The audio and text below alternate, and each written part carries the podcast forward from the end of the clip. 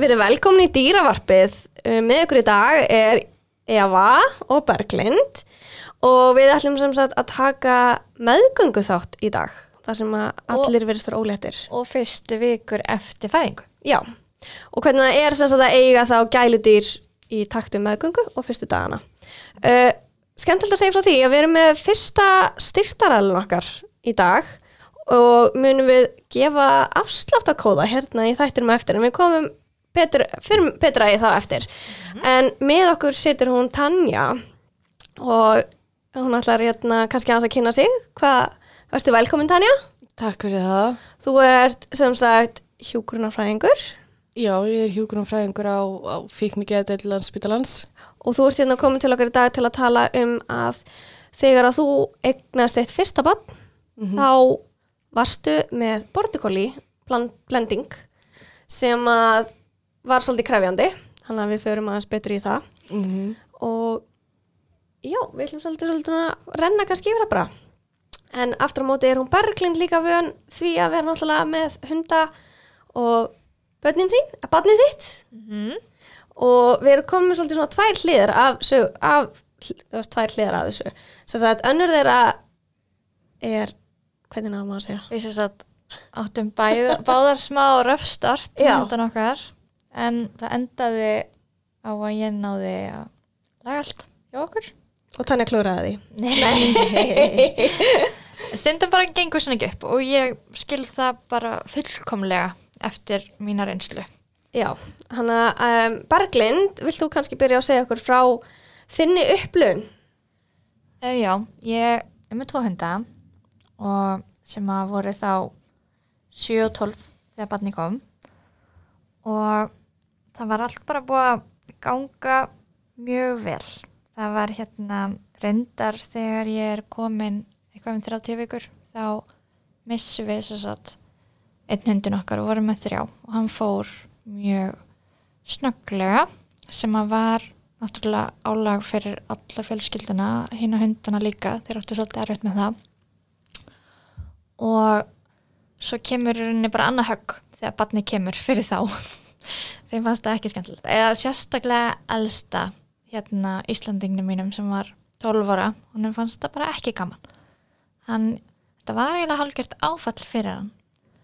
Og honum, sko svona smá baksaga, þá eru við rosalega tengt. Þetta er fyrstu hundru minn og hann er rosalega mikið svona æ, það segja allir, við erum bara einhvern veginn, það er rosalega sterk tengingum með okkar og ég held að þess vegna hafi honum fundið svolítið erfitt að ég kom heim með bann. Honum fannst líka erfitt þegar ég var bara að byrja fæðingu og svo leiðist, þú veist, hann fann að það var eitthvað að gerast, svo kem ég heim og það skrítin lykt að mér og það er eitthvað skrítið bann með mér. Og hann neila bara fríkar svolítið út bara strax, ég, þetta kom mér mjög óvart. Ég held einhvern veginn, ég hafði yngar áhugjur af hundunum, þeir eru báðir mjög svona bara þægilegur á heimili og ekki eitthvað, ekkert svona vesin á þeim en eða hvernig voru þeir áður fyrr með börnum? Bara ekkert mál sko. Og, og þeir eru, hafa alltaf verið fínum með börnum hægt og sérstaklega hérna íslenski gamli bara mjög hrifin af börnum með eitthvað er, þannig að ég, ég hafði yngar áhugjur og en bara um leið og við komum heim með hann að lillu þá hann tekur bara gælt kast þegar við erum að koma inn þú veist, með lilla 6 klukkutíma gamla barnið og hann bara gæltir og gæltir og gæltir og gæltir og er bara gjörsanlega fríka út og ég náttúrulega var búin að undirbúta allt alveg því lít vel og það átti alltaf að vera fullkomið sem að gerðist ekki. Og ég, og ég er eiginlega bara búin að blokka þetta smá minninu sko, ég man, man varlega nákvæmlega hvernig þetta var. áfall. En hérna barni sem betur fyrir var ekki trætt. Hún hérna á ljósmaðurnar sögðu að hún var bara vön gælti úr, þú veist, innan á bumbunni því hún alltaf vinna á dýraspítalagi gælt allan daginn og, og hérna þannig að það var allan mjög gott, hún er ekki hrætt en hann átti bara rosalega erfitt og þetta var það mikið að ég þorði ekki að hafa sko hundin og barni í sama herbyggi fyrstu dagana, veist þeir voru, hundarnir voru bara lokaður uppi ef að við vorum neyri stofu og þú veist, bara tók ekki sjansinn og þarna var líka náttúrulega, þetta var fyrsta barn og þetta var rosalega skrítnar tilfinningar einhvern veginn, þetta eru svona hundarnir manns hafa alltaf verið svolítið svona nummer eitt einhvern veginn. Og, og allt í einu var komið eitthvað annað sem að var bara öðruvísi mikilvægt. Þú veist, þeir eru ennþá mikilvægastu hundarnir. Ég get ekki sagt að þeir sé ekki mikilvægi lengur en það er bara öðruvísi. Og og þetta er í rauninni fyrstu þrýr, fjóri dagarnir voru bara þannig að ef að við stóðum upp með barni í fanginu þá þýtti það bara gæltkast og hann var bara skítrættur við hann. hann hann tengdi hana bara við eitthvað hræðilegt. Og ég held að hann hafi einhvern veginn bara ekki fattað hvað var að gerast, hann var ekki fattað að þetta var barn einhvern veginn, Mm. get ekki útskipt þetta. En það var, og náttúrulega taktur hinn hundur en veist, hann var ekki, hann var miklu betri en hann náttúrulega fríka pínu út af því að hægt og sé í einhverju fríkáti. Þannig að það varð alltaf myndast einhvern veginn svona smá ástand bara. Mm. og sérstaklega ef, að, ef að hún litla fór að gráta þá alveg var mikið fríkátt og þetta var bara einhvern veginn eitthvað sem að maður langar bara ekkert að vera að díla við þegar maður er með nýtt barn. Maður langar bara að gangi allt vel og ég var bara svona ég var svolítið sár út í hektor. Þú veist að vera að skemma svona fyrstu dagana einhvern veginn ef ég get orðað það þannig. Og einhvern veginn alltaf geta treyst á hektor og hann var hann bara að vera úksla leiðilegur en mér fannst það. Og þú veist, mér langaði bara að henda honum út í buskan, ég var bara svolítið, ég var bara mjög fúl út í hann. Og ég, þú veist ég líti einhvern veginn allt öðruvísi á þetta svona núna þegar maður er búin að eignast batn einhvern veginn, ef einhver hefði bara sagt mér frá þessu þú veist, þá hefði ég ég, ég, ég, veit það ekki, það er það er engin með nokkra daga eða nokkra veikna gamalt batn að fara að taka hundi sinn í eitthvað þjálfunaprógram þú veist, ég er hundaþjálfari, ég veit alveg nákvæmlega hvernig ég á að kenna hundum að hætta að vera hrættir við eitthvað sem það er hrættir við. En ég er ekkert að fara að leggja nokkra daga gamla batni frá mér til að fara að vera í einhverju þjálfunasessjónu með hundi minn, það er bara ekkert að fara að gerast. Nei, og þannig að ég einhvern veginn, svo hugsa maður ekkert rökrétt, maður er veit, ekki að sofa neitt, maður er þreyttur og maður er hormóna að sprengja og veist, já, maður hugsa enga veginn rökrétt. Og maður næri ekkert að hugsa fram í tíman, ég einhvern veginn sá bara fyrir mér og svona er þetta bara. Og það væri bara allt einhvern veginn í voli ég var bara farin að hugsa bara, þú veist, hvað á ég að gera? Þarf ég bara að láta hann fara? Þú veist, gamall hundur, ég er ekkert að fara að láta hann á nýtt heimili. Og já, þetta var umulegt en þetta endar í rauninni, eða endar. Þetta fer þannig að ég set hann bara beint á kvíðastillandi lif bara til skamstíma. Og þetta var basically þannig að hann bara fjekk þetta og bara hörðu, sorry en þú færð tvær vikur. Og svo er þetta bara búið, þetta bara virkar ekki. Og við vorum náttúrulega jú, ég segi ekki við höfum ekki gert neitt. Við vorum alveg, þú voru klárlega hlutir sem að, sem að við vorum að gera rétt því hugsa tilbaka, við vorum til dæmis við vorum mjög mikið að verðluna góða veist, og við hugsaum mjög mikið fram í tíman veist, ef, að, ef það var að fara að koma ljósmáðir eða gestir eða eitthvað svoleiðis þá hérna, veist, fólk leta okkur alltaf vita áður en að kom, þannig að við gáttum verið undirbúin. Um, þá gæti kærastu minn farið með hundana aðeins afsýðis, verið tilbúin með nammi hann var að dælja nammi á meðan fólk var að koma inn og því að þeir áttu líka mjög rætt með það þá. Og þeir gáttu verðluna eða hann gæti verðluna þá fyrir að vera stiltir og vera rólegir og þannig að það fór mjög, mjög, mjög mjög mikið nammi fyrstu dagana og vel feitir í dag Já, neini, þeir eru alltaf finnir, hleypit að sér. Og svo, já, ég held að það hafa bara verið mjög gott. Kærasti minn tók þetta svolítið mikið að sér. Ég var bara svolítið með hana og hann var svolítið að sjá um þetta. Og En í dag eru þið bara mjög góði vinnir já, já, já, þetta var sko, já, þetta voru fyrstu dagarnir sérstaklega, þá þurfti bara einhvern veginn þá þurfti bara að vera með mjög, mjög mikið aðhald. Þeir voru bara, Hector sérstaklega, hann var bara ekki, fekk ekki vera nálægt henni, ég treyst honum bara ekki. Og ég notaði mjög mikið svona barnarlið þar sem að þeir voru þá bara í öðru rými en gáttu fylst með og fjarlægð. Ef að þeir voru bara stiltir og rólegir þá þú veist var kastað nammi til þeirra. Þeir voru að fá uh, hérna einhver svona góð verkefni. Og svo bara með tímanum ég sá alveg mun strax á milli daga að hann varð aðeins róleri og ég fór að treyst honum meira og meira. Og hann fór einhvern veginn smám saman að fatta að þetta var ekki heimsendir, þetta var í lagi. Og ég fór líka, ég held að hann hafi líka fríka svolítið út sko út af mínum viðbröðum og ég var bara svo fúl út í hann mér langaði bara ekkert að fara til hans og klappa hann ég var bara fúl út í hann. Og um leið og ég fór svona aðeins að líka hugsa meira raugrétt fór að þú veit passa að fara aðeins og beigja mig niður og klóra hann á bringunni þegar ég lappaði fram hjá honum og svona aðeins að minna ná og hann var alveg líka en þá upp á svofinn að þá fór þetta líka að koma. Og svo eftir svona ég man ekki alveg, tvær, þrjár vikur þá var þetta orðið miklu, miklu betra.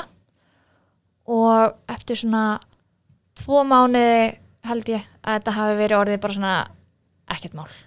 Það voru bara nokkru vikur sem þetta var horror. Og þetta var svo skrítið út í hann er svo góður. Þú veist eins og í dag þá eru þau bara bestu vinir og hann dyrkar hana og hann vil leikja hjá hennu og hún má gera þú veist, hún má koma og, og rífa í feldinu honum þó því leifi það auðvitað ekki en það gerist alveg. Þá alveg horfir hann bara hjálp, en þú veist, hann gerir ekkert. Þótti treyst honum þú veist, engum hundi auðvitað í svona aðstæð en treyst honum eins vel og ég gæti treyst honum. Mm. þótt að hann hafi verið svona slæmur í byrjun. Þannig að það er alveg von að svona lægist. Já, og þá erum við með einna, þú tannig að tengja örugglega svolítið mikið af þessum punktum sem hún var að tala um. Sérstaklega svona í byrjun og vera kannski sár að vera komið með nýtt batn á heimilið og, og hundurinn er ekki alveg að taka það í sátt. Eða, eða hvernig var. Nú náttúrulega tók, tókstu að þér hund sem átti að lóa Já, hún, og hún átti, þetta átti svolítið bara að vera svona hálfgert fóstur heimili hjá þér í skamma stund sem Í það var stund. svo ekki Nei, hvað, þú áttur hana hvað lengi? ég held hún hafi verið uh, þryggja ára tveggja þryggja ára Mm. þegar að sem sagt, uh, sonum minn kom í heiminn Já, uh, en líka bara baksagan hennar hún var náttúrulega blendingur, bordikolli blendingur mjög orku mikil og þurfti gríðarlega mikla reyfingu og mikla aðtekli og mikið aðhald og var búin að vera mjög krefjandi allan þennan tíma sko. Uh, við þurftum til dæmis að fara með hana í frjáls útihlaup uh, allavega daglega til þess að losa um orku hjá henni og hún var mjög gjörn á að gelta og átti erfitt með að vera einn heima og það var svona ímislegt sem að, að var erfitt hjá henni áður en barni kom. hún var líka með, bara sá ekki sóluna fyrir þér? Nei og svo verði ég sem sagt ó- ólétt og því stærri og meiri sem ég verð því minna get ég hreift hana og því minna get ég farið með hana eh, þú veist í útilaup eða þú veist í frjálslaup upp á heiði og eða eitthvað þess áttar því ég var bara orðin eins og, eins og kvalur og eh, ég fann það bara að með tímanum þá var hún líka bara verða þunglindari. Og hann fór bara líða verð og ég var farin að sjá breytta hegðun hjá henni í kjálfæri þess að við gátum í raun og veru ekki sint henni bara almennilega. Maðurinn minn var mikið að vinna og hann gæti ekki, ekki hreift hana og, og ég átti erfitt með það. Og líka orðin slæma grindaglinun þannig ég átti erfitt með að fara með hann út að labba. Uh, svo þegar að barni kemur í heiminn að þá já, svipa og Berglind var að segja hún alltaf fríkar út þegar að fæðingin byrjar. Uh, Þú varst nú líka með svolítið dramatíska byrjun var það Þetta var ekki? mjög dramatísk byrjun um miðja nótta sem ég missi vatnið og það þarf að kalla til sjúkrabíl og, og hún bara gjörsamlega bara fríkaði út þegar að sjúkraflutningamennir voru að bera mig út á börum og ég held hún hafi bara alltaf að vaða í þá sko. Skiljanlega, einhverju menn sem koma þarna inn og Um þetta einhverju blá ókunni menn sem koma að inn Og og, þú taka bara mig og í sássöka og hún finnur fyrir því?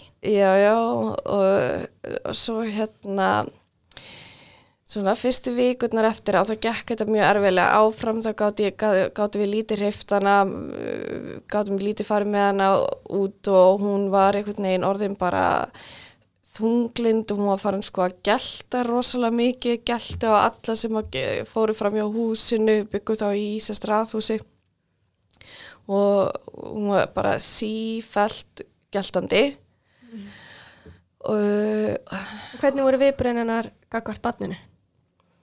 henni var svo sem alveg eh, sama gagvart barninu sko. Þannig að hún vildi ekki týna þeim mikla ást eða en var samt heldur ekki menna reyði. Nei, nei, nei, nei, henni var, en, en hún svona fór í eitthvað svona protective mode samt gagvart mér, sko. Já, og húsinu bara. Já, og húsinu. Nei, það mátti engin koma nálægt húsinu á þess að hún bara trilltist. Og hversu oft þurftur að svæfa barni á dag þakks allir þessu gæsti? það er einn málið, eins og Berglind var að segja að maður er ekkert að fá mikinn svefn fyrir og svo loksist þegar að við sopnum kannski að þá lappaði ykkur fram hjá húsinu og hún gelti og vakti allt, alla upp aftur, sko. Já, Þannig að maður var svona komin í hennar vítaringa, maður var alveg bara, oh, ég fæ aldrei að sofa aftur. og fólk sem að segjur ekki hugsar líka bara ekki raugrétt Nei, og ég var farin að upplega bara reyði hvert henni og pyrring og, svolítið svona eins og þú upplegði líka Berglind.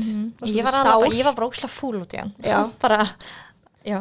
Já, ég var bara, ég var bara mjög reyð út í hana og pyrruð og hún var alltaf að vekja mig og vekja barnið og endalust gemmandi og svo sem ég segi, fekk hún ekki nægilega reyfingu, ég meina þetta var borti, þetta er borti kolli og þú veist þarf mikla reyfingu og mikinn aga sem hún var ekkert að fá.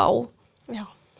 að því maðurinn minn tók mjög stutt fæðingarólof þannig að uh, ég var eiginlega bara hei, ein heima með þau tvö uh, sem endaði bara á því að við tókum það ákverðin að senda hana í sveit Og við skulum þá taka skýrt fram að sveitin er ekki eins og við tölum um hérna áður fyrir þáttanum hjá okkur. Heldur, hún fór, hún fór í sveit Já, að leik á sveitabæ. Á sveitabæ. hún fór á sveitabæ sem að, að ég held að hafi gert henni bara mjög gott þar, gæti hún bara hlaupið um frjálst og losað um sína orku Og það var líka einhver einstaklingur sem þið þekkið. já, hún fór til eh, sagt vinkun okkar Já. Þannig að þið fengu að sjá myndir og myndbönd og fengu að fylgjast aðeins með henni. já, já, og hérna og, og, og við sáum það bara henni leið bara miklu betur Já. í, sveitinni þar sem að hún fekk bara vera frjáls þannig ég held að sko, ég hafa ekki verið að gera henni neitt gott með því að vera að halda henni í raun og verið heima í li- pínulitli raðhúsi þar sem hún fekk enga reyfingu sko. Og þannig talar um að þú varst búin að reyna í hvað nokkra vikur. já, ég man ekki alveg hversu lengi Það var allavega ágætt tímabil sem að, Já, við reyndum alveg í, hvort það var einn eða tveir mánuðir Já. sem við reyndum að láta þetta ganga en, en svo bara gekk þetta ekki upp sko. nei, en líka bara flott að geta þá séðað og, og geta þá, það er ekki allir í þeirra aðstöðu til að hafa annað heimili og tala nú ekki um í sveitinni. Nei, við vorum mjög heppin með það að geta sendt hana á sveitabæ þar sem hún gata bara hlaupið upp á fjall þegar hún vildi. Og, og þú veist og hún alltaf var, hún var alltaf þannig hún skilaði sér alltaf aftur eins og í, í frjálsum hlaupum þegar maður slefti henni einhver starf á landi. Hún fór kannski að hljópa einhvert lengst í burtu og svo skilar hún sér alltaf aftur. Hún var mjög húspund og holl Já, og náttúrulega eins og segja líka bortikóli eru fluggáar í flestum tilfellum. Já, Ég og ætla ekki hún- alhæfa. Nei, en hún var einmitt alveg eldklár, mun, allt og klár fyrir, for her own good, sko. Hún- Þú mást kannski eftir því, hún var búin að losa sig úr allskins búrum og allskins klemmum og beltum sem búið var að setja hana í bílum og bara, já, Hún hún, komst í gegnum allt. hún komst í gegnum allt, hún bara, hún náði því sem hún ætlaði sér. líka bara hundir sem að það eru verkefni og ungur, hvað var hún eins tveggjára, nei þryggja ekki Já. þryggjára, þú veist. Já, ég held líka bara fólk sem hefur ekki gengið í gegnum eitthvað svona það er ekki hægt að setja sig í þessi spór og bara að vera með pínulítið bann það er bara það er, það er ekki hægt að útskýra þetta. Og bara Það álæði mjög sem fylgir mikilvægt samt að veita umræðu um það Já. að það er allt í lægi að fara í gegnum erfileika það er í Já. lægi að verða sár og reið út í hundin já, það er, það er bara mannlegt. Það er líka bara þannig þegar maður er nýbúin að eigna spatt að þá er bara hormóna sprengja sem verður og maður er bara einhvern veginn, já, maður er ekki alveg sjálfur sér líkur, maður er ekki að hugsa raugrétt, maður er ekki að fá nægan svefn.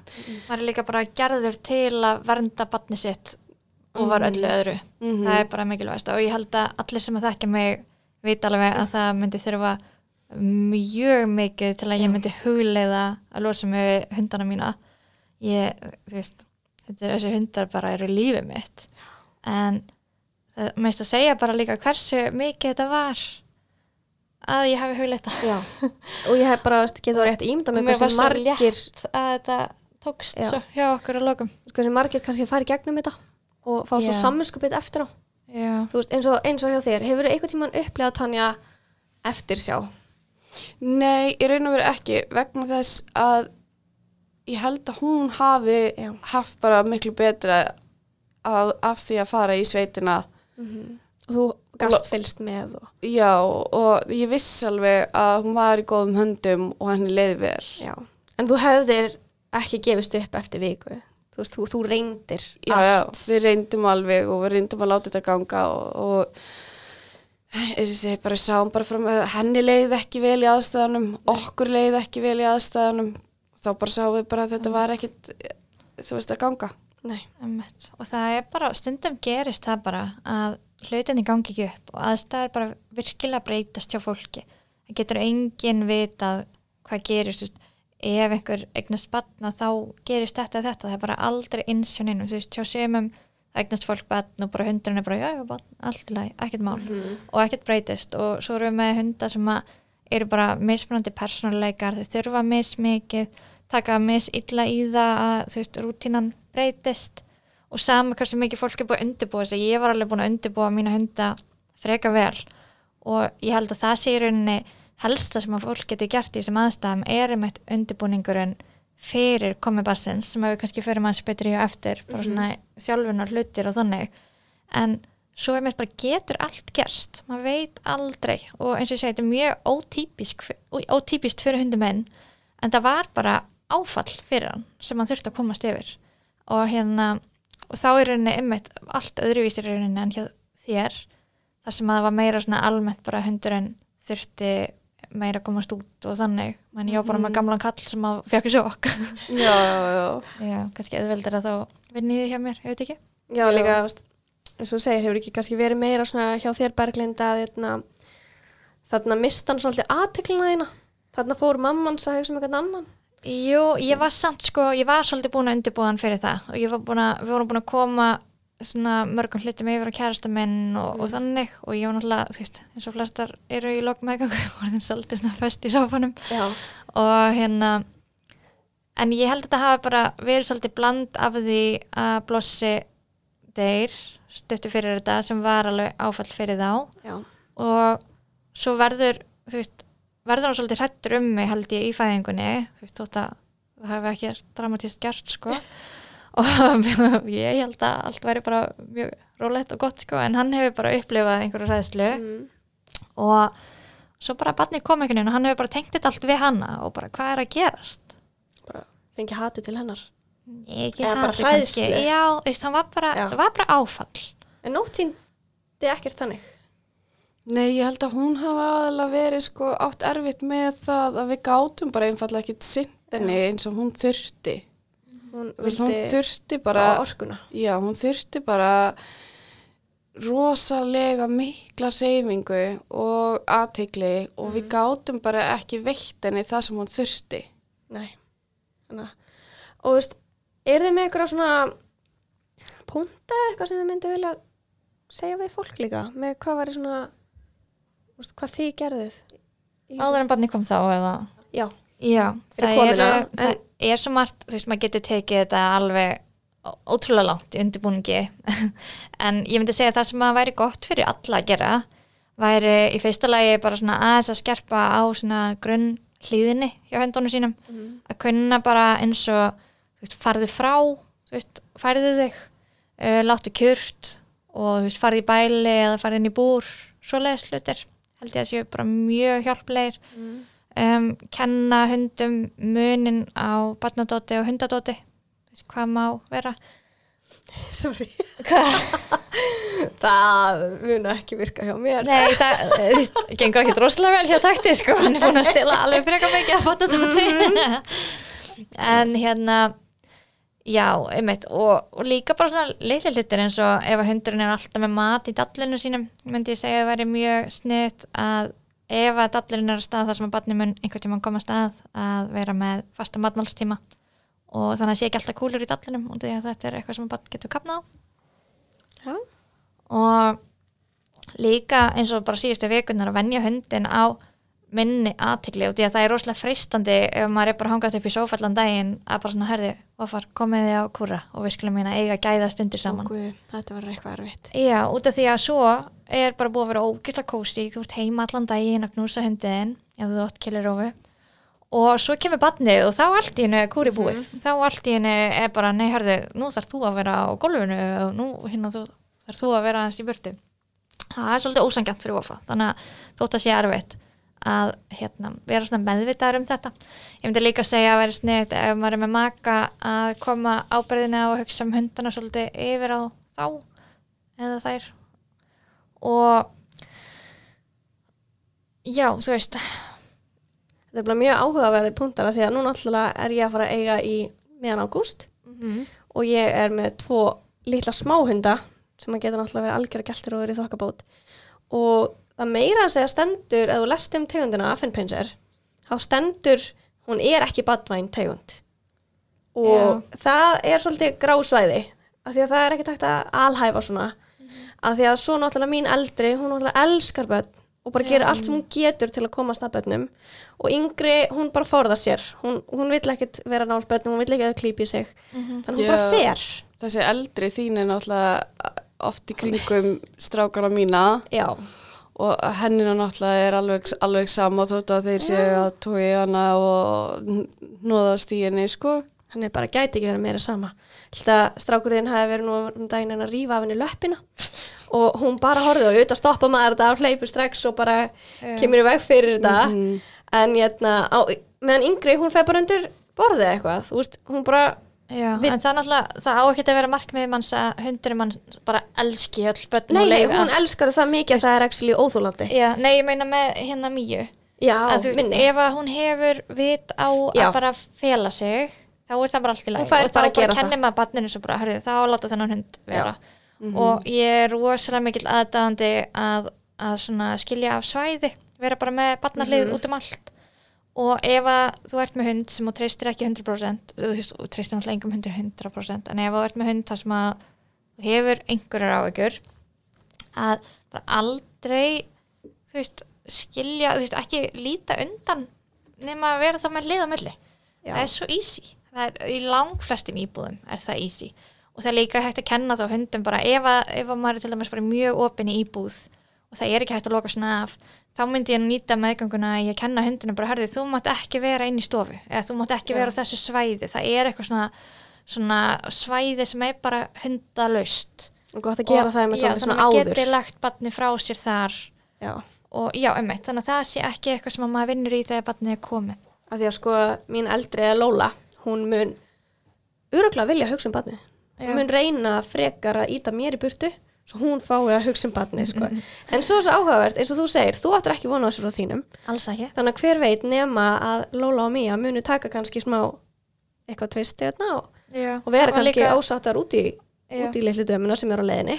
Svo líka bara eins og taktur hérna yngri menn, hann er hann var aldrei hrættu við hana, hann var alltaf volega góður við hana, en hann var svolítið svona óþekkur. Hann var til dæmis, hann hoppar aldrei upp á mann en þegar maður hjælt á barninu og var að labba, þá vildi hann rúfarslega mikið tjekk á henni. Mm. og þú veist, hann er alveg stór, þú veist, hann næri alveg hátt upp, þú veist, ef að maður er með barni í fanginu og næri hann til hennar. Þannig að var, þú veist, hann var alltaf svona einhvern veginn að reyna að hoppa upp að, að henni.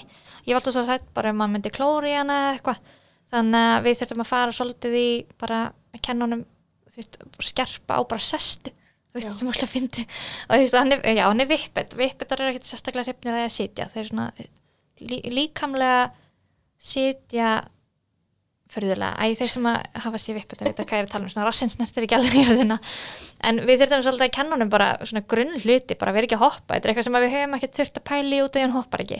En þannig var hann alltaf innum farin að gera það. En þá, þú veist, en ég man til dæmis fyrst þegar hann var að gera þetta, þú veist, ég er hundaþjálfari ég veit þetta alveg, ég veit alveg hvað ég á að gera ef hundur hoppar á mig, en þannig er maður bara með batn í fanginu, maður bara, hvað er ég að gera?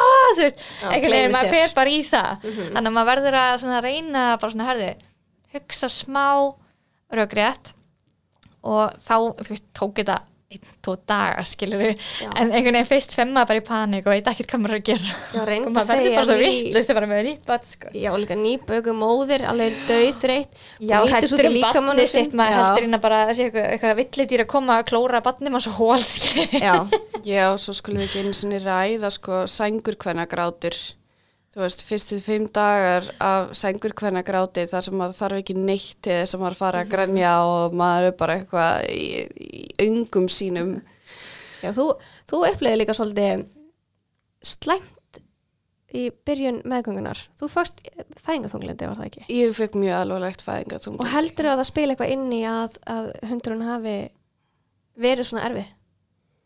Mm, Það gæti alveg verið að það hafi verið þáttur í, í fæðingarþunglindinu sko.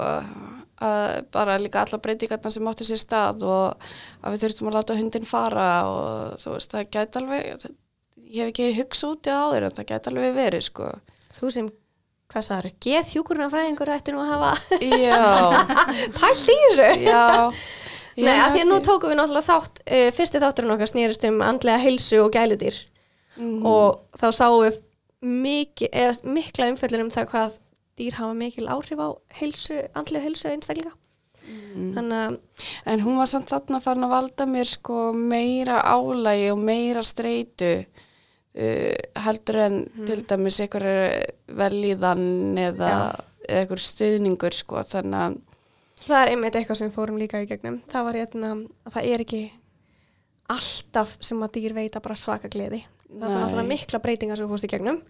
Hormonabreitingar, líkamlega breytingar og bara heimilisaðstæðnar breytust. Mhm, mhm. Mér finnst líka bara eins og að finna nýtt heimili fyrir hunda mér finnst fólk oft vera rosalega fljótt að dæma Já. og það þarf ekkert þú veist, ok, ég skil það rosalega, rosalega vel þegar eitthvað svona breytist mjög mikið og það er komið mikið vanlíðan í fólk eða eitthvað er bara ekki að ganga upp en veist, það er engin döðadómur fyrir hund að fara einu svona nýtt heimili.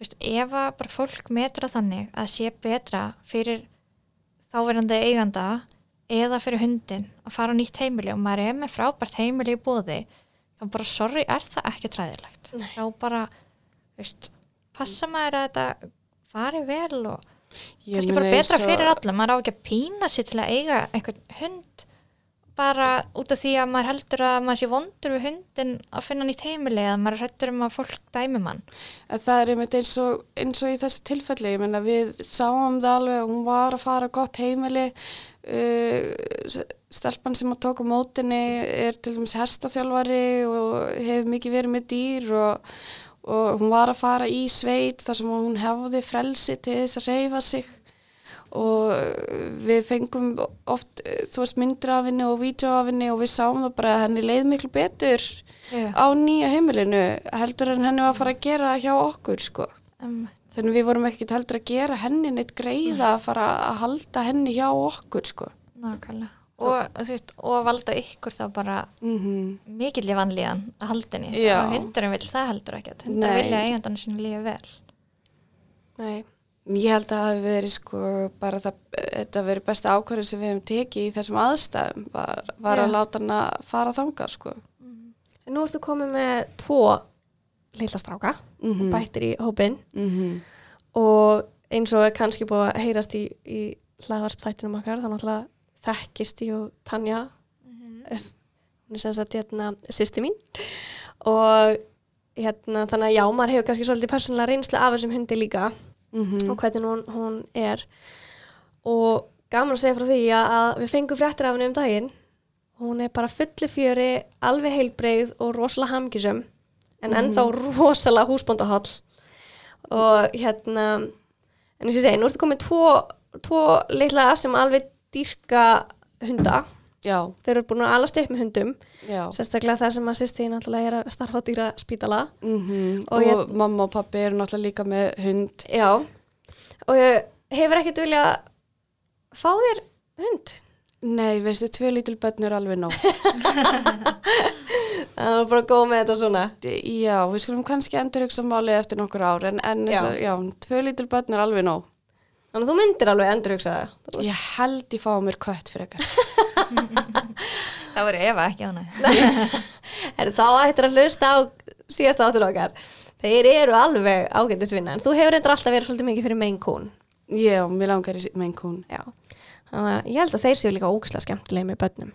Mm ég held að það sé bara frábærir. þeir eru líka svo alltaf svo bitchy looking. Þannig að passa vel inn í fjölskylduna Nei, það er, það er mjög gaman. Þeir eru náttúrulega eins og segi, búin að alast upp með, með hundum og eru nú náttúrulega þrælvanir hundum.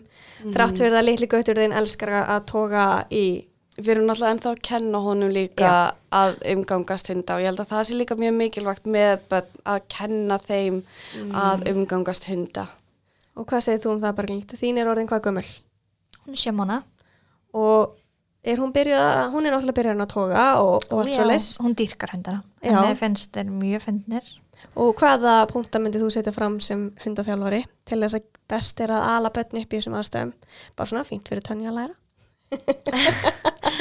Sko, ég, hundaþjálfari, ég er ekki barnaþjálfari, nei, sko, hérna, ég myndi segja, ég get alltaf bara að tala fyrir mínar aðstæður, en ég finn bara hvað er mikilvægt að svona smám saman gefa hundum meiri aðganga barninu, um, vera ekki að drífa sig, það er enginn sem að segja að hundar þurfa að vera bara utan í börnum, maður sér alltaf þess að sæti myndir eitthvað á Facebook að af barninu sem að liggur í klassu á hundunum og hundunum dyrkar það og eitthvað, það Já. er ekkert allir hundar þannig. Við erum ekki alveg alltaf á þeirri blási.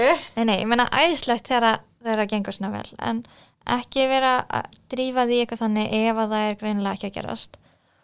Og nota barnalið myndi segja að veri bara mjög gott. Um, ég myndi segja að veri rosalega mikilvægt að, að hérna, eigundunir séu svolítið duglegir.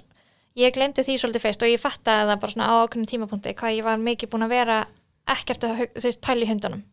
Ég var einhvern veginn alltaf með batni í fanginu að passa að gleyma ekki að fara niður og klóra þeim á malanum og, og bjóða þeim stundum að koma upp í sofa eða ef þeim að ég verð þar og þannig út af því að ég held að það geti líka búið til smá svona resentment til batsins með tímanum ef að, að eigandinn allt í henni bara með batni og hættir að pæla í hundunum. Þannig ég fann líka mun á þeim þegar ég fór svona alveg systematist að svona herði ok, ég ætla að passa mig að vera meira í hundunum. Og ég, þetta kom bara vola náttúrulega hjá okkur þegar það fór að ganga betur. Og já, ég myndi segja núna á þessum aldrei og svona aðeins að byrja að hreyfa sig meira og sækja og svona hafa meiri krafta í að grípa í hár og, og, og skinna á hundum og svona tósa að meist rosalega gott að þeir kunna báðir farðir frá. Mm. þú veist, og það er bara, þú veist, skemmtilega þeim. Gott að vera búin að gera svona æfingar með hundum þar sem við fá ekki endilega alltaf nammi strax, þú veist, þetta er bara eitthvað sem kemur svolítið automatist hjá þeim, þannig að ef þeir koma sérstaklega Hector einhvern veginn, hann einhvern veginn kemur alltaf og leggst alveg, alveg rétt hjá henni þar sem að það er svo, þú veist, hann er mjög lúðinn, hann er mjög auðvelt og fristandi fyrir hann að fara að rífi hár. Og þá er ég svolítið, þú veist, hugsa ég fyrir fram bara, herri, hættu að fara frá, le- leiðu hér frekar. Og þá, þú veist, færir hann sig þangað, þú veist, þannig svona kom ég veg fyrir allt þetta vesen, vera svolítið vakandi. Og um, ef maður ætlar ekki að hafa barnalið. Og já, ég meina bara horfa svolítið á persónuleikan og hundinum og persónuleikan hjá barninu. Já. Bara- Þannig að þú myndir ekki segja að það að taka hundin og setja hann til hliðar mm. eða bak við hlið eða eitthvað slíkt Mm. að hann myndi ekki tólka það sem refsing. um, fyrir náttúrulega bara rosalega mikið eftir hundinum og hvernig þú gerir það ef þú ert búin að kenna hundinum svolítið áður en barni kemur að Já. gera svona hluti þá á hann ekkert að tengja endilega beinti barni og svo náttúrulega þótt að koma inn á nokkra vikur þar sem að maður er kannski að eiga svolítið erfitt með að hugsa um hundin og maður er ekkert að fara kannski með hann í lausarlaup eitthvað þrísari viku þegar barnið er nýfætt að þá verður maður samt líka ákveðnum tímapunkti að finna svona eitthvað flæði þar sem að hundurinn er líka að fá það sem hann þarf og algjör snill til dæmis að vera með svona bara úti börðapoka og geta tekið barnið með í göngur með hundana Já, hvernig gengur það hjá þér? Þú ert með tvo hunda og barna var, ég er mest, ég er svo stressið við því Já, að fara í göngutúr með barni já og tvo hunda sem eru stanslaust að flækja sig. Um, Eða er það bara því að ég kann ekki alveg hunda?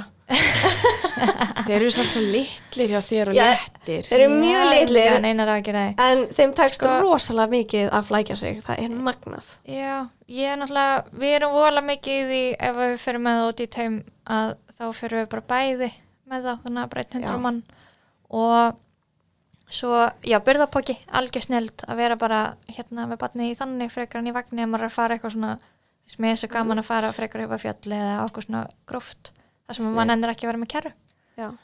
og já, það er ekkert vandamál Varst sko. þú í þeim, þeim pakka þegar þú fórst í gangutúr með hana? Varstu þá með barni í kerru því að nú man ég persónulega frá því að hún tógaði rosalega Nei, sko, já, uh, maðurinn minn, hann syndi því bara meira heldur en ég.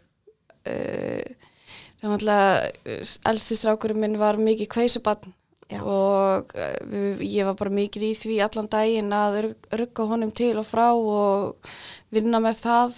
Þannig að maðurinn minn reyndi alltaf bara á mótnana og setnipartin að fara með hundin uh, þannig að ég eh, þyrfti þess ekki sko. Mm. Það hljómar svo drauma vikur hjá þér í byrjun. Og læti meðgönguna hljóma svo vel Spennandi tíma að framönda Já, ég get ekki beðið. Þetta var ekki, þetta var ekki eðvelt tímumbil sko. Nei, Já. og þetta er aðeins auðvöldra með setna það var engin, engin gestandi. Nei. En já, ég, ég er mjög spennt að sjá hvernig þetta verður. Eins og ég segi, ég er náttúrulega með tvö lítil skrifsli og, það er áhugavert að sjá hvernig þær muni bræðast við. En svo líka ef að fyrir þig náttúrulega bara þú veist, þú getur gert alls konar undirbúningsæfingar þú veist, nýttu tíma núna Já, ég er að fara að ef taka þú ert búin öllum að þessum punktum. kaupa batnavagn, þú veist, farði bara út að labba með tóman batnavagn með hundana, þú veist, kendi Berglind, inn- kendi ég er bara að ekki að fara í Þú getur göngutúr á á nóttunni þegar enginn er úti.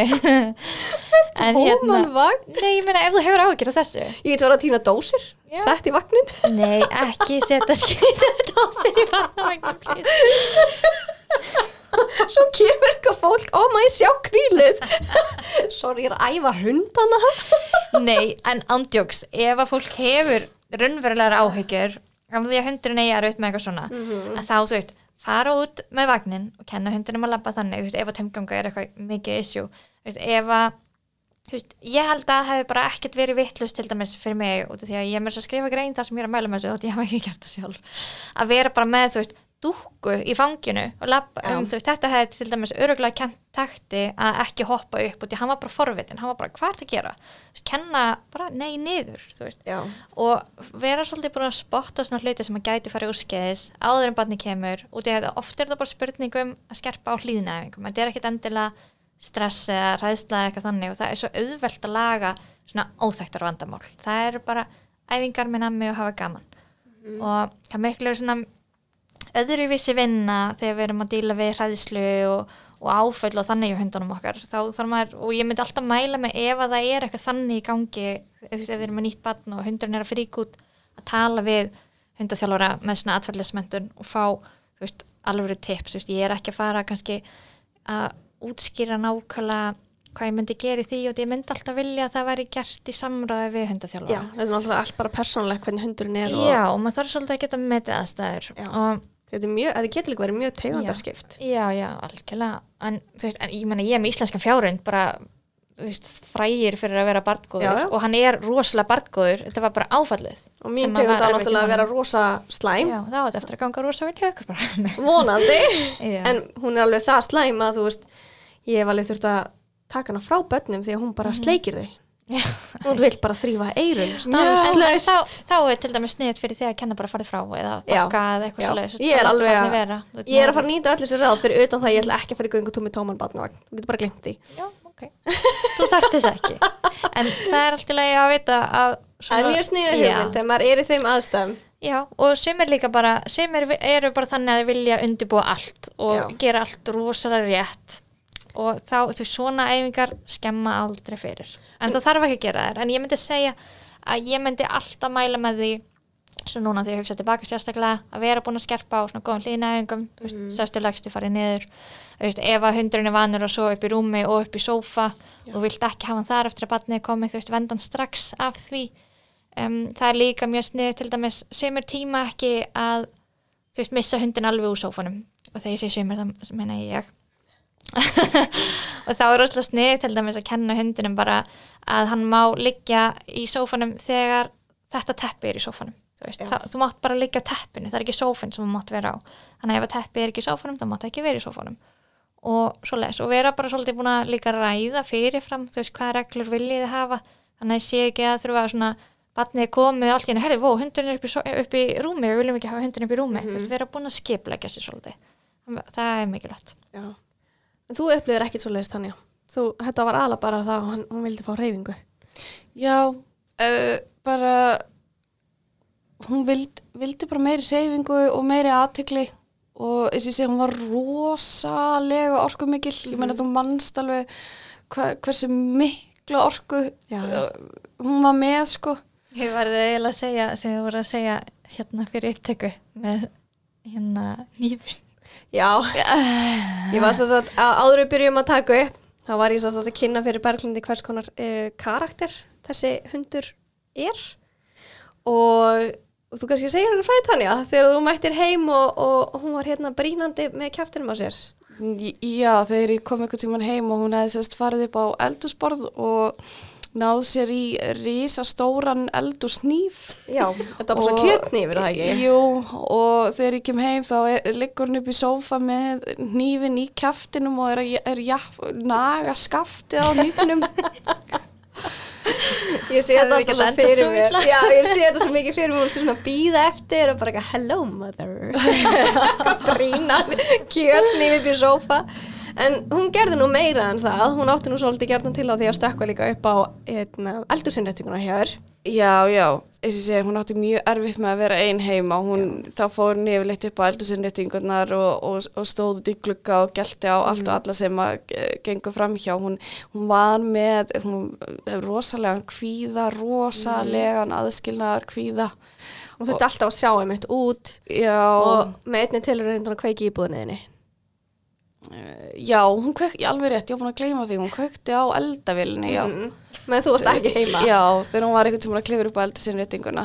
Þannig að þú þurftir ekki bara barnalæsingar Þú þurftir ekki hundalæsingu Já. á eldavélina Já, hún, hún, hún var bara, hún var mikinn kvíða, hún þurfti mikla hreyfingu, mikla aðtekli, hún var bara mjög krefjandi og ég held að, þú veist, ég hugsa tilbaka að þetta hafi aldrei verið hundur sem hafi átt heima í bænum. Nei Hún hafi Nei. alltaf, Ég man en það eftir því þegar ég fór með hana sem sagt hérna upp á Úlfarsfell mm og ég var búin á því þegar ég kom upp á toppin en hún var búin að hlaupa svona 30 ferður upp og niður já, og það sást ekki á hundinum. nei, og hún var bara, þú veist, hún, hef, hún hefur alltaf verið bara sveitahundur. Já.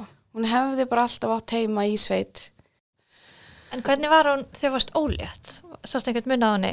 Já, sko, það, það gekk vel á meðan að ég var, eh, eh, þar til að ég var komin svona 30 vikur, að því þú veist þá, þá ég, ég gat alltaf farið úr heftana, Já. gat, En, en var, fannst þér hún ekkert svona sína þegar maður er tillit úti eða fannst þér að að passa þig eða eitthvað Nei. svoleiðis? Eða Fattaði hún að þú varst ólétt? nei, hún fattaði ekki, Nei. ekki neitt, sko, hún fann enga breytingu, eina sem hún fann bara var að ég var að vera stærri og ég gat ekki, ekki heftana jafn mikið og ég gat ekki, ekki verið að labba með hana jafn mikið, því ég var með svo miklu grindagliðnun, Mm. ég gat heldur ekki verið að fara með henni í stóra göngutúra eða neitt þannig, sko. Já, það er mjög algengt að hundar svona, hérna, í rauninni fatti að það er eitthvað í gangi og Hector minn til dæmis sem að var hérna í mesta sjokkinu, hann fatti ekki neitt. Ég held þess vegna var þetta sjokk fyrir hann hann veist ekkert hvað er í gangi. En Hector, hann var alveg bara strax þegar komin svona 12 vikur, þá var hann farin að kúra svona maganum á mér og elda mig út um allt og vera svona vola góður. Ég en hérna, en ég talandi um grindagliðin Já. eigum við að tala þessum styrtaræðilega okkar? Herðu, við erum sem sagt með styrtar aðlag í þættinum í dag sem að er hérna ný verslun eða ný vefsja sem er komin í loftum sem heitir betrimeðganga.is og þar eru þau að bjóða öllum okkar hlustendum upp á 20% afslátt af öllum vörum og það er bara farið inn á betrimeðganga.is og sett inn sem sagt afsláttakóða uh, með dýravarpið bara með engum íslenskum stöfum. Dýravarpið og það er sem sagt ímislegt skemmtilegt, skemmtilegar vörur þarna sem að styðja við og eftir meðgönguna. Og einnig er hægt að finna íms konar námskeið þarna. Og rosalega skemmtilegt að fara í gegnum þessa síðu. Og ég mun klárlega nýta mér hana þar sem að ég náttúrulega við erum sýstur einna þá er ég komin sjálf að verða 30 vikur fljótlega og komin með mikla grindagliðnun og sé, fra, sé það á síðan hjá henni að það er mikið að stuðningsförum sem að hægt er að nýta sér. Þannig að um að Já. gera, þetta er alveg með alls konar belti og já, já, og úst, sokkar Já. líka. Gefaldra já, þannig að þetta er alveg 20% afsláttur. Þannig að um að gera, nýti ykkur, nýti ykkur þetta. Algjörlega. Þannig að, og, og afsláttukóðin er dýra varpið já, hún er líka með mjög skemmtilegt Instagram, setur alls konar fróðuleik og svona þar. Já, já, ég var einmitt að les eh, ég var að skoðast Instagram story hennar áðan og þar er hún að tala um grindagliðnun hún er sem sagt sjúkraþjálfari sem er með þessa síðu þannig að þetta eru alveg svona solid upplýsingar sem þeir eru að fá hana. Náttúrulega ekki alveg beint tengt dýrónum okkar en um að gera að nýta þetta þetta er alveg, Já, þetta nýtist alveg hundafólki sko ef, að, ef þeir eru konum með grindagleinun að skella okkur góða belti og fara út í réttaköngu sérstaklega sérstaklega að kýna í standi belti sem að kemur sem sagt utan um magun og í gegnum klófið sem ég ætla klárlega að fá mér. Já, og hérna, að því að þegar ég fyrir göngutúrum með hundana núna þá er ég farin að fara að taka svona mörgæsaskref. Ég er svo svo lappandi mörgæsavöllunum það er rosa flott. það er ógeðslega sexy.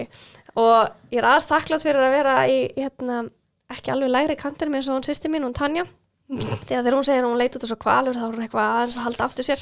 Að hún var eins og snjóbalti og já, hún lappaði mjög mikið eins og mörgjast þannig að hún hefði kannski getað nýtt sér þannig afslátt.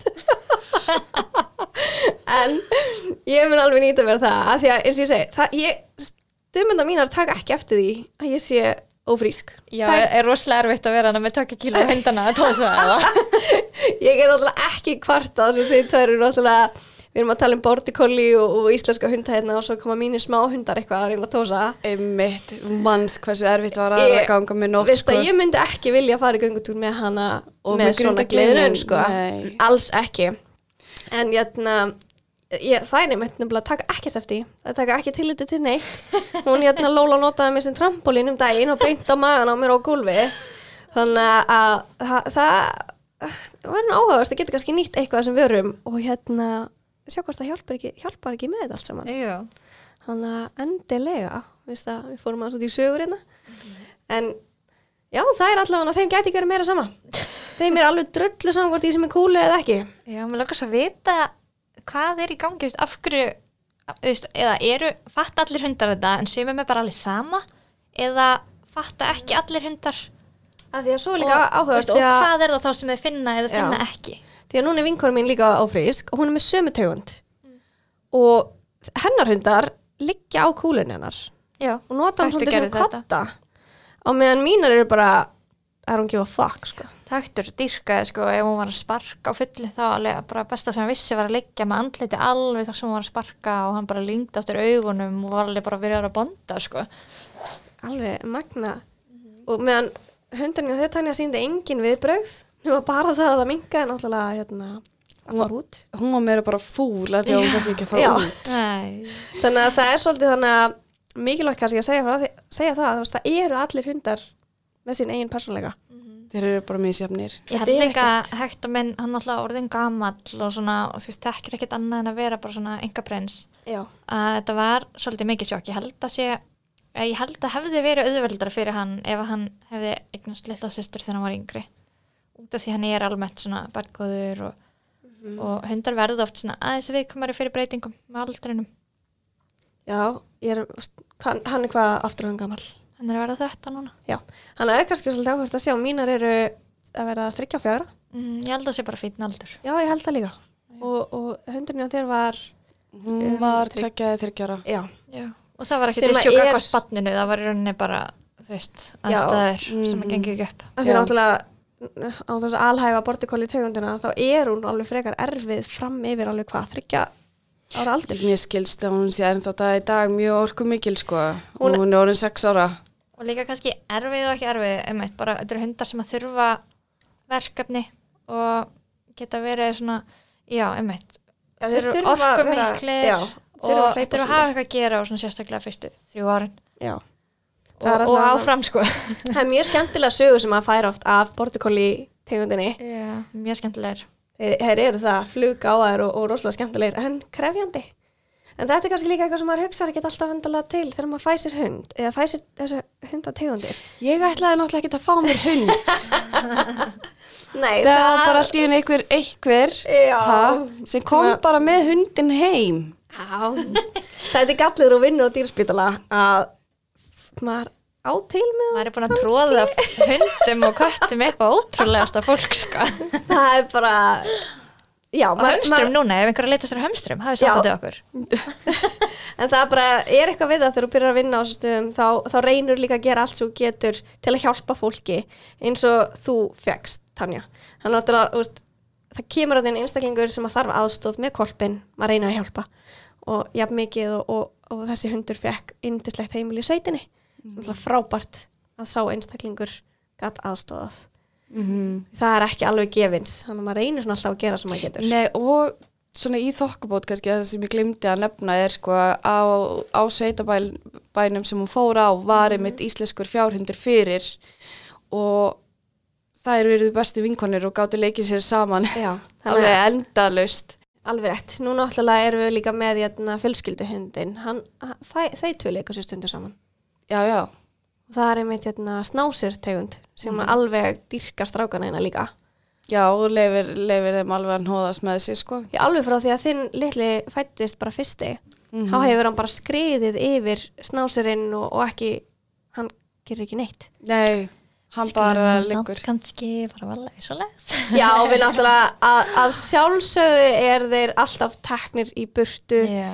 eða úst, fennir fer. Já, það Þegar finnst að- nefnilega oft hérna, ég er ekki að segja að því hafa verið að meina það akkurat núna en það er svo oft sem að fólk tekur dæmi um hvað hundarnir er að séu badgóðir út af því að börnin Já. fái að gera allt með stróslega leðild að sjá svo leiðis alveg börn bara fá að vera á hestbæki á hundunum Já, og rífa í feldin og verður að passa að setja mörk með þetta og kenna svo börnum að umgangast mikilvægt hunda. Já, þess vegna finnst mér svo mikilvægt að kenna barninu að umgangast hundin og það er einmitt það sem ég hef verið að reyna svolítið að gera með mína stráka og hundana sem eru á heimilunum eh, að þú veist eh, að virða mörk hundana Já, nákvæmlega. Og áður en þau hafa aldrei til það verður bara Já. alltaf að fylgjast Já. með. En það Já. þinn Gripa inn í. eldri, hann sko lítið valla við hundana þegar þeir komið að þeir þarna. Hann, hann hefur áhuga á þeim, hann finnst alveg skemmtilegir, Mhm. en hann pælir ekki þeim. Nei, hún finnst gafna að þú veist fara í ykkur svona eldingarleiki við það og eitthvað Já. svona en hann er ekkit að, hann er, hann spáur voða lítið í þeim sko. Og þinn yngri er ennþá að læra um þetta. Það er, Já. úst, eins og ég segjum, þegar, þegar þeir eru að byrja að klifra á þeim og, og byrja að reyna að toga, þá er það að stoppa strax. Já, og kenna þeim þá frekar einmitt, þú Já, veist, að hvað á að Já. gera. Já. Já.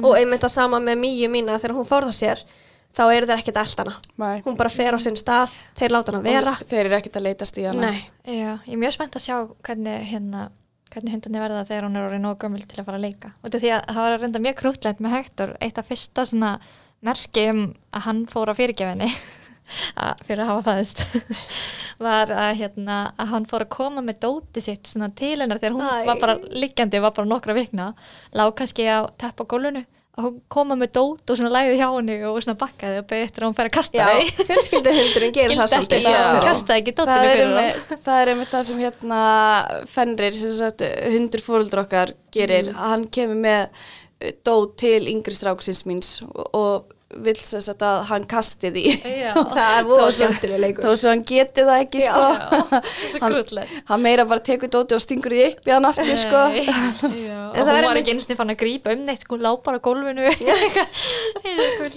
það er líka einmitt sniðið sem hún segir með kúlurnar út af því að hérna, matinn, Mhm. af því að núna eru þeir mjög gjarnir á því, eða yngri strákurinn, er mjög gjarnir á því að vilja halda Já, Já. og byrjar, en hann er reynda að byrja að læra það að stinga sér upp í hundin, já, hann, er mjög mikið fyrir það að gefa hundanum að borða. Já. því miður. já, hann er mjög mikið. Stingur kúlan svolítið upp í en, en það er náttúrulega bara, það er frekar nýlegt en, en við þurftum alltaf að taka einmitt dallinn og, og passa að hann Já. ekki fara í og já, hann sótti svolítið í að það er hundamatinn svolítið sko. sniðut það sem þú segir Berglind með að hafa einmitt ákveðna tíma. Já, þannig að þeir svona læri inn og það. Svo líka hérna, nú að mín nýbyrja að borða. Að hérna hundarna finnst náttúrulega mjög gaman að þrýfa upp eftir hana. Og mér fannst fyrst ógislega fyndið að leifa þeim að vera með og hún var alltaf svona, ef hún misti mat á gólfið þá voru þeir alveg bara gegja en svo hérna varum við einn sem að myndum á og ég var litið að það er mjög fljókt að gerast að, hund, nei, að batni læri þann leik að það er miklu skemmtilega að kasta matnum til hundana Mhm. en að borða. Mm, Já, Þannig að- ég kannast Já. í það. þannig að ég dem og það fór hann að loka hundana þess að meðan að borða Já, þannig að þú vilt meina að það sé sniðut að loka hundina að á er að borða Já, og svo bara ef þetta er eitthvað sem er dog safe þá bara leifum við með þeim að sjá Já. um þrifin þegar hún er búin að borða sko. Ég sá það, þú hefði gerði það um daginn hérna, hleyptur hún bara fram og hann bara ryksaði upp allt gólfið og allt orðið reynd og fínt þetta er alveg bestur ryksunar ef það er ekki ónæmispjösar eða já ekki áfættu sjúklingar pælum aðeins í því Já. skilabúti fóldur okkar hérna. Ekki vera að gefa. Svo líka, kannski eitt svona aukapunktur að hérna það er volað snitt að passa ormarinsa hundin fljóðlega áður en barnið kemur. Mm, á svona öðru koru bara, af hverju segir, er það af því að vill sleika hann í andliti og þið geta borið eitthvað bara, eða verður ekki að taka sensin þú veist, á að, þú veist, út af því að- ormarinsa náttúrulega er ekkert svona fyrirbyggjandi, það er bara að reynsa burti það orma sem að hundurinn gæti haft. Þannig að mér finnst bara fínt að byrja með svona frestart að hundurinn sé potið. Allur hreinn á ormum þegar það er lítið barn að koma heimilið og, og ég er svona, ég, um mitt en núna til dæmis núna ætla ég að hafa badnaherbyggið á sama stað eða sérst hundaherbyggið og verður badnaherbyggið Ég held að þú sést mjög bjart sín, sko. Ég er að segja, hafið eitthvað skoðun á því? Nú er ég að pæla að hafa þau öll inn í sama herbyggi. Ég hvað held, meinar þau, er það þannig á nóttunni Já. eða? Það eru vanar að sofa í búri á nóttinni. Já. Það eru vanar að vera inn í þessu herbyggi á nóttinni og ég loka því og svona. Nefna náttúrulega, svo með tímanum, þegar að, að stelpa mín orðin það stór og hún getur sofið inn í þessu herbyggi, þá verða hundarnir ennþá þarna inni. ég myndi bara fara, þú veist, prófa áfram með það ef það virkar þá er það allt í lagi og nærða lofta vel út og svona verður líka kannski tilbúin fyrir að gangi ekki upp Já. og þú veist, maður veit ekkert hvað breytist á einu ári eða tveimur árum eða hvernig sem maður ætlar að setja, setja hann í sitt herbæki sko. Það eru gaman að sjá hvernig karakterinir eru að verða sko þegar það ætlar að fara að deila herbyggjum. já, já Af því að þær eru alveg það er nóg fyrir með að segja bara inn í búr og þá fara þær inn í herbyggi inn í búr. mín er allavega hérna, eins og Hector, hann vil alltaf hérna, ef hún er sofandi í vagninum úti, þá vil hann alltaf liggja hjá henni í vagninum þannig að hann vil vera nálegt sko. Það var svo sætt líka einmitt með hana Lólu sem er badnóð. Hérna, ég fór sagt með hana til vinkonu mína sem átti bara nokkra daga gamalt badn eiginlega. Það hefði ekki verið bara svona, veist, já, kannski svona tveggja vekna. Og hún var í vöggu, litla stelpan hennar. Og um leið og Lóla kemur inn, þá finnur hún bara lykt, fer strax af vöggunni og vakkar hennar á hjólum og, og Lóla reynir að kíkja upp í vögguna. Þannig að við sjáum bara vögguna, byrja bara bye bye já, það var Lólu svo spennandi að reyna að kíkja á hana og alveg bara, og við fengum þess að þessa vöggu frá vingunum minni. Þannig að það er eins gott að við gleymum ekki að setja hana á lás. Já, ég hef einmitt heyrt þetta líka með svona bast hérna veggur og Mm. hérna körfur að passa að það séu vel stöðuar að ef að hundarnir eru nóg stóri til að hoppa upp í að geta að velta já, passa þetta rosalega vel þannig að það er einmitt, þetta er búin að vera ótrúlega góðir og hérna, puntar frá okkur Já, maður getur aldrei komið öllu að sem að maður hefur Nei. að segja en hérna og það hafa allir sína hliðar, allir, Já, allir já. sína sögur og það er bara, reynsla hjá Já. okkur það er bara ekkert að því að, að fara í gegnum þessa í gegnum þessa upplifanir og um að gera bara að deila sögunum sínum og hérna, við viljum þakka þér bara kærlega fyrir að koma Tanja já, það var ekkert. og gaman að heyra einmitt líka þína sögu og, og hérna fá að heyra að, svona, hvernig hún er núna. Og við bara minnum endilega á að kíkja inn á betri meðganga.is og skella inn afsláttugáðanum dýravarpið með íslensku stöðum og kikja á dýravarpið á Facebook og Instagram. Já. og eigum við ekki að fá svona myndaþráð með bönnum og hundum og það væri alveg Er æði þið ætlaðið nú reyndar að tala um dýr og börn, við erum bara búin að tala um hunda og börn. ég held að sko Við þurfum kannski að að taka annan kísu þátt Já, og ég börn, kísu að- geta líka verið með alls konar drama þegar að koma Já. börn. það er einmitt hérna já, ég hef heyrt ymsa sögur með kísur þannig ég held að það sé alveg efni í annan þátt sko Já, þá þurfum við að fá annan gæst. Ég já. hef enga reynsla af því. Tanja og færðir hérna með kún og læta hvernig gengur og poppa svo í þrjabarnið Aha, einmitt, já, já, já.